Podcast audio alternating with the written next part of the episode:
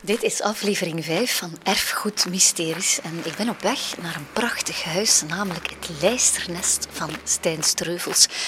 Gebouwd in 1905 en meteen de plek waar hij altijd zal blijven wonen en hij zijn enorme uiveren bij elkaar zal schrijven. Ik geloof dat de Vlasgaard zeker zijn beroemdste roman moet zijn. Die heeft hij hier dus geschreven voor zijn raam, dat al even beroemd is, denk ik. Ik heb hier een afspraakje met Thomas Schaak, de coördinator van, uh, van het Lijsternest.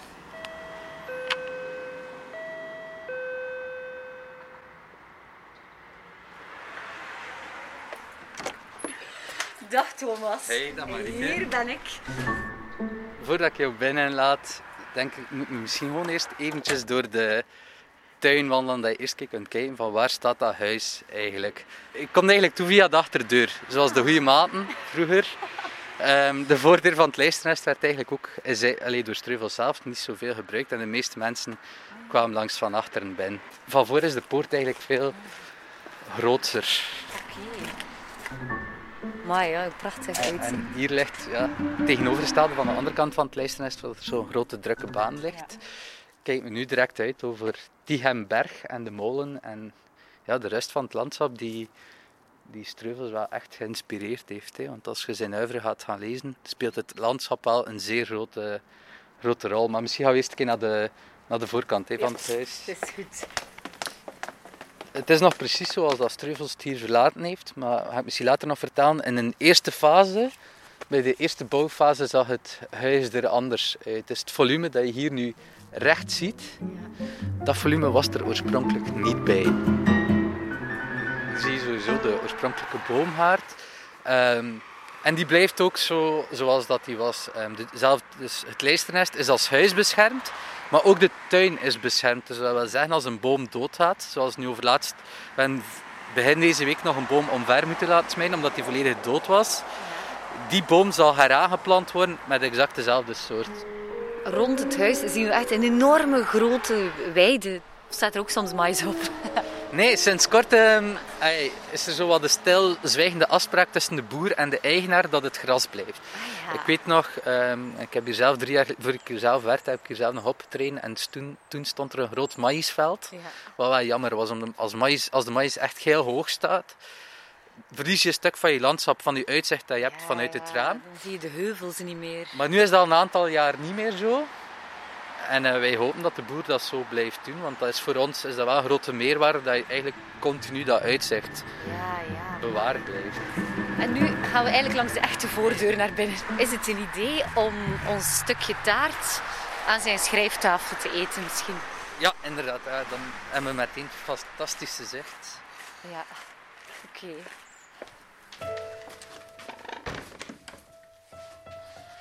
Het wordt hier net zo netjes gepoetst. Ja, en kijk, nu, men, als we over netjes spreken, komen we meteen in de mooie woonkamer, of de, de chique woonkamer. Want vroeger hadden mensen vaak twee woonkamers. Eén waar de, de leefkamer eigenlijk, en dan de, de mooie woonkamer waar het bezoek ontvangen werd. En dit is die mooie woonkamer. Um, waarin dat je meteen ook ziet dat, dat Streuvels een heel groot hart had voor de beeldende kunsten. Er hangen heel wat kunstwerken. Alles wat je hier ziet is eigenlijk ook wat dat oorspronkelijk was bij Streuvels. Dus uh, we zijn nu, sinds dat de cultuur een transitie heeft gemaakt naar de Vlaamse overheid, is het Lijsternest ook een onderdeel geworden van de Vlaamse overheid. Maar vroeger was het een museum van de provincie. En de eerste jaren als museum was het hier ook echt als museum ingericht. Dus dan stonden hier overal vitrinekasten en dergelijke. Maar dan was in 2008 nodig om een grondige renovatie van het huis te doen, omdat de toestand wel verslechterde. En toen hebben ze besloten om bij de herinvulling, om kijk, um, er zijn nog heel wat kleinkinderen, die leven van Streuvels nu nog steeds. En hebben ze eigenlijk met hen en de collectie die ze hadden, want alles was wel bewaard gebleven van, van het interieur, hebben ze eigenlijk het huis terug volledig ingericht zoals dat was bij toen dat Streuvels, op het einde van zijn leven. Dus alle objecten die je ziet zijn eigenlijk echt ook van Streuvels geweest. Had hij ook hangen in zijn huis. En dat is zo waarheidsgetrouw mogelijk teruggehangen. En op die manier wordt het meer een ja. belevingsmuseum museum, van dat je echt kan voelen hoe dat hij hier leefde. er hangen ook nergens kaartjes bij of dergelijke, maar we, we werken met een iPad, dat je eigenlijk een digitale rondleiding, dat je rondleiding kan doen en dan achter bepaalde objecten meer informatie kunt opvragen via de app. Oh ja, dat is super interessant, want inderdaad, het lijkt alsof we hier gewoon, we komen hier gewoon binnen, binnenwandelen in een echt huis. Met al de zeteltjes en de tafeltjes en al erbij. Twee belangrijke objecten in deze ruimte is daar zien een foto met de koning.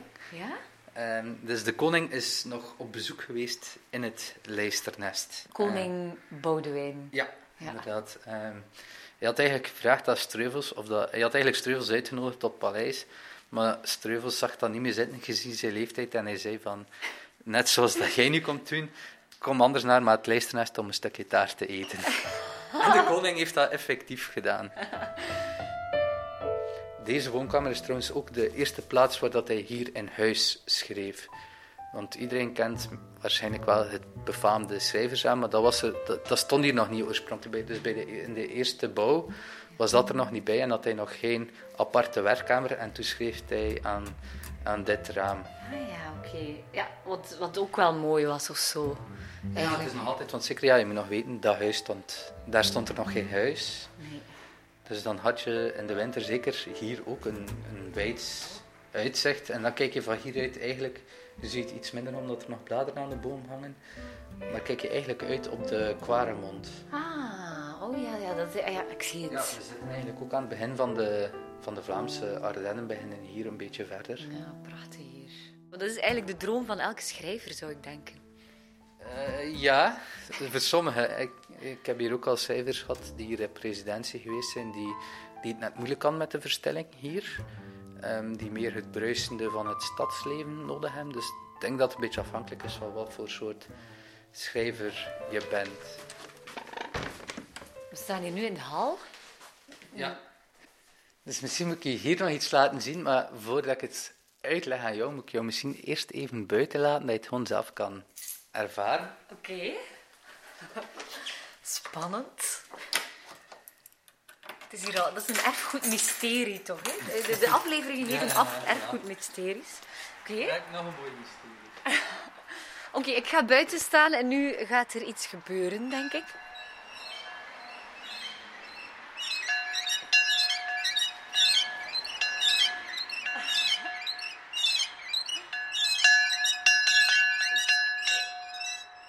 Hangt gewoon een klok ja, aan het huis van Streuvels. Er hangt een klok aan het huis van Streuvels. Ze zeggen dat hij dat kon gebruiken om... Ja, vroeger hadden mensen nog geen uurwerk. Um, dus als het 12 uur was, kon hij de klok laten luiden. En dan wisten mensen die op het land aan het werken waren van... Kijk, het is etenstijd. En er wordt ook gezegd dat hij het soms gebruikte als hij wegging. Ik zou het wel kunnen gebruiken voor mijn kinderen eigenlijk. Dus dan heb je hier de, de keuken ja.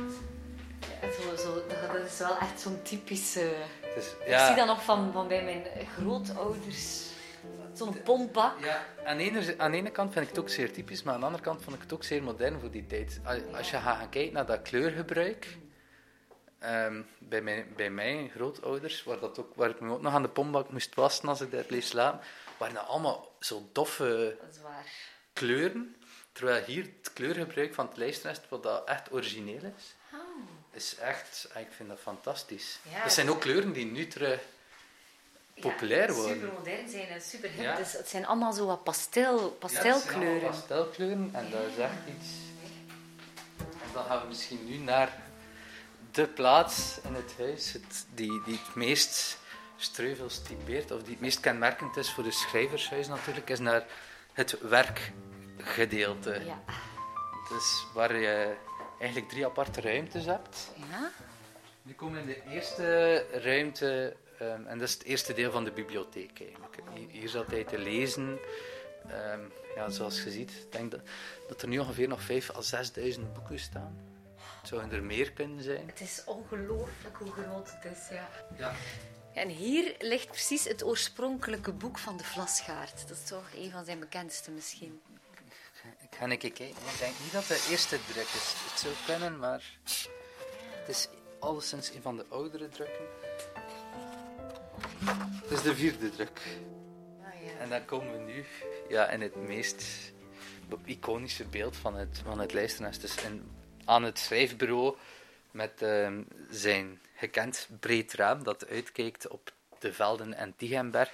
En waar boven de Latijnse spreuk hangt. Ik ga het niet uitspreken in het Latijns, want ik kan geen Latijns.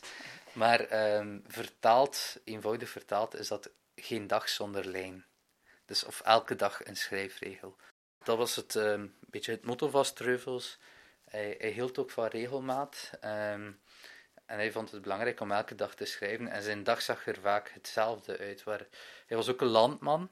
Dus in de, de ochtend bestond eruit dat hij werkte in de tuin. En de namiddag was dan voor, om te lezen en te schrijven. Oorspronkelijk zat hij in de woonkamer. En het eerste kind kwam er en toen merkte hij, wow, dat is hier niet meer rustig. Ik heb eigenlijk echt nood aan een, aan een plaatsje apart om, om tot rust te kunnen komen en om te kunnen schrijven.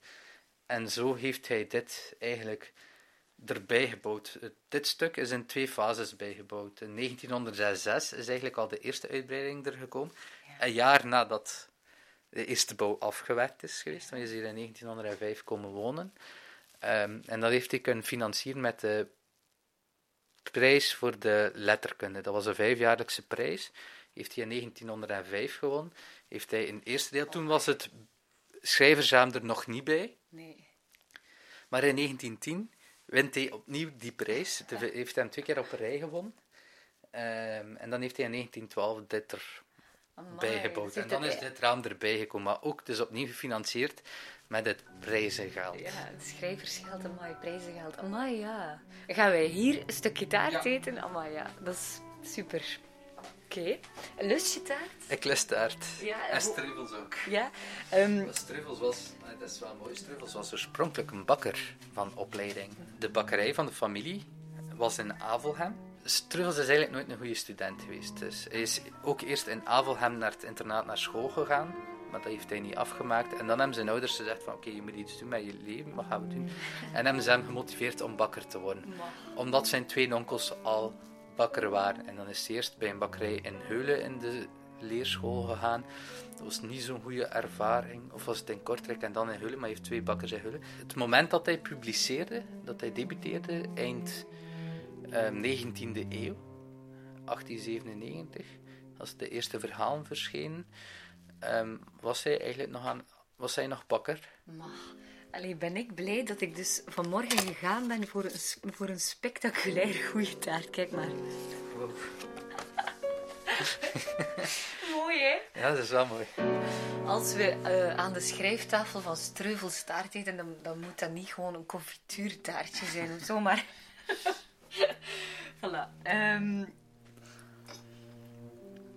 Smakelijk. Smakelijk. Lekker. Voel je hier de ziel van Streuvels soms een beetje hangen? Ja, ik ben niet zo'n mysticus, dus ja, je voelt het in de boeken. En ik vind wel, wat dat mij verwondert is, als je boeken vastneemt, van, ja, eigenlijk Streuvels had dat boek hier ook, ooit ook vast gehad hebben. En dat vind ik wel iets magisch. Maar er zijn schrijvers, sommige schrijvers die hier zitten, iedereen denkt waarschijnlijk, ja, al die schrijvers gaan sowieso aan, continu aan dat bureau zitten schrijven. En dat geldt niet voor iedereen. Hij heeft niet te maken met landschap, omdat landschap hen niet inspireert of zo.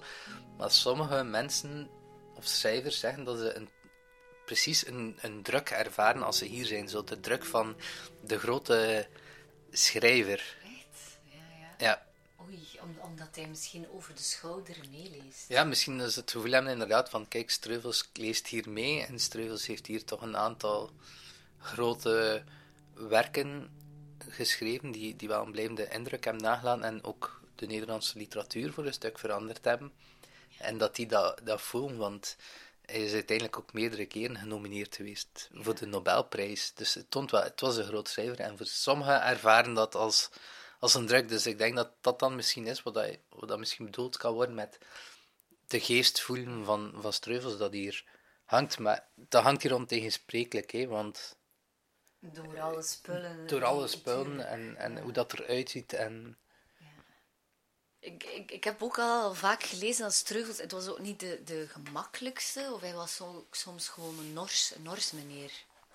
Ja, dat is, zo wat, maar dat is ook zo wat het typische, de typische West-Vlaming. Zo de West-Vlaming die in zichzelf verkeerd is en niet veel spreekt. En, en ehm, dat klopt ook wel een beetje, maar naar mijn gevoel ook niet helemaal. Um, hij was stil, stil of zwijgzaam. Um, maar, en ook hier in het dorp werd hij zoals de Norse man omschreven. Hij had zo een, ambiguë relatie met, met de mensen van in Hooihem. Enerzijds had hij hier wel niet... Hij is niet naar hier gekomen omdat hij een band had met het dorp in Hooihem. Nee, hij is echt naar, naar hier gekomen omwille van die kleedkop met dat uitzicht. Maar, maar hoe komt dat? Ik hij, beschrijft dat zelf in zijn memoires um, in, in Gooihem, het boek in Gooihem. Um, hoe dat ook in Gooihem weigerachtig of onwennig stond tegenover Streuvels zelf. Een schrijver. Wie had daar benul van? Boeken schrijven en boeken drukken was voor hen één en hetzelfde. Dichter of drukker dus, en alle twee. Zo is het mij in die eerste tijd voorgevallen bestellingen te krijgen om doodsprentjes te drukken. Van andere kant zijn ze mij komen aanspreken voor huwelijksgedichten, jaar- en jubileum en andere gelegenheidsversen. Ik heb mij daarvan kunnen van afmaken met aan die mensen uiteen te doen dat ik enkel met volle reken, regels werkte, dat zij voor gedichten met korte reken en met rijmen aan het eind bij pastoor verriest moesten zijn. Maar zie ons hier zitten, Thomas en ik zitten hier een stukje taart te eten voor dat beroemde raam van Stijn Streuvels. Amai, dat is wel ja. magic. Ja, ja dat, dat, is iets. Ik werk hier nu. Um, ja, binnen twee weken werk ik hier twee jaar als coördinator. En dat is toch iets waar ik blijf door verrast worden. Door dat landschap, door, door de sfeer die hier hangt, dat blijft zo... Um, omdat ik zelf ook schrijf natuurlijk, blijft dat wel zo de, de droomplaats om, om te zijn. En, en vooral ook hoe dat landschap ook iedere keer er toch wel anders uitziet. Want ik kom met de fiets, dus ik kom zo wel ver en dan, dan begin je dat zo, die heuvel hier te zien. En de zon zit toch iedere keer anders en werd een ander soort licht op, op dat landschap. En dat blijft zo, ja, verwonderend.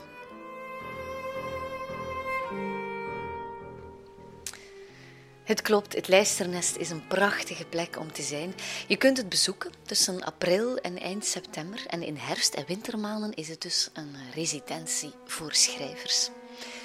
Dit was aflevering 5 van Erfgoed Mysteries. Wil je graag ook andere afleveringen beluisteren?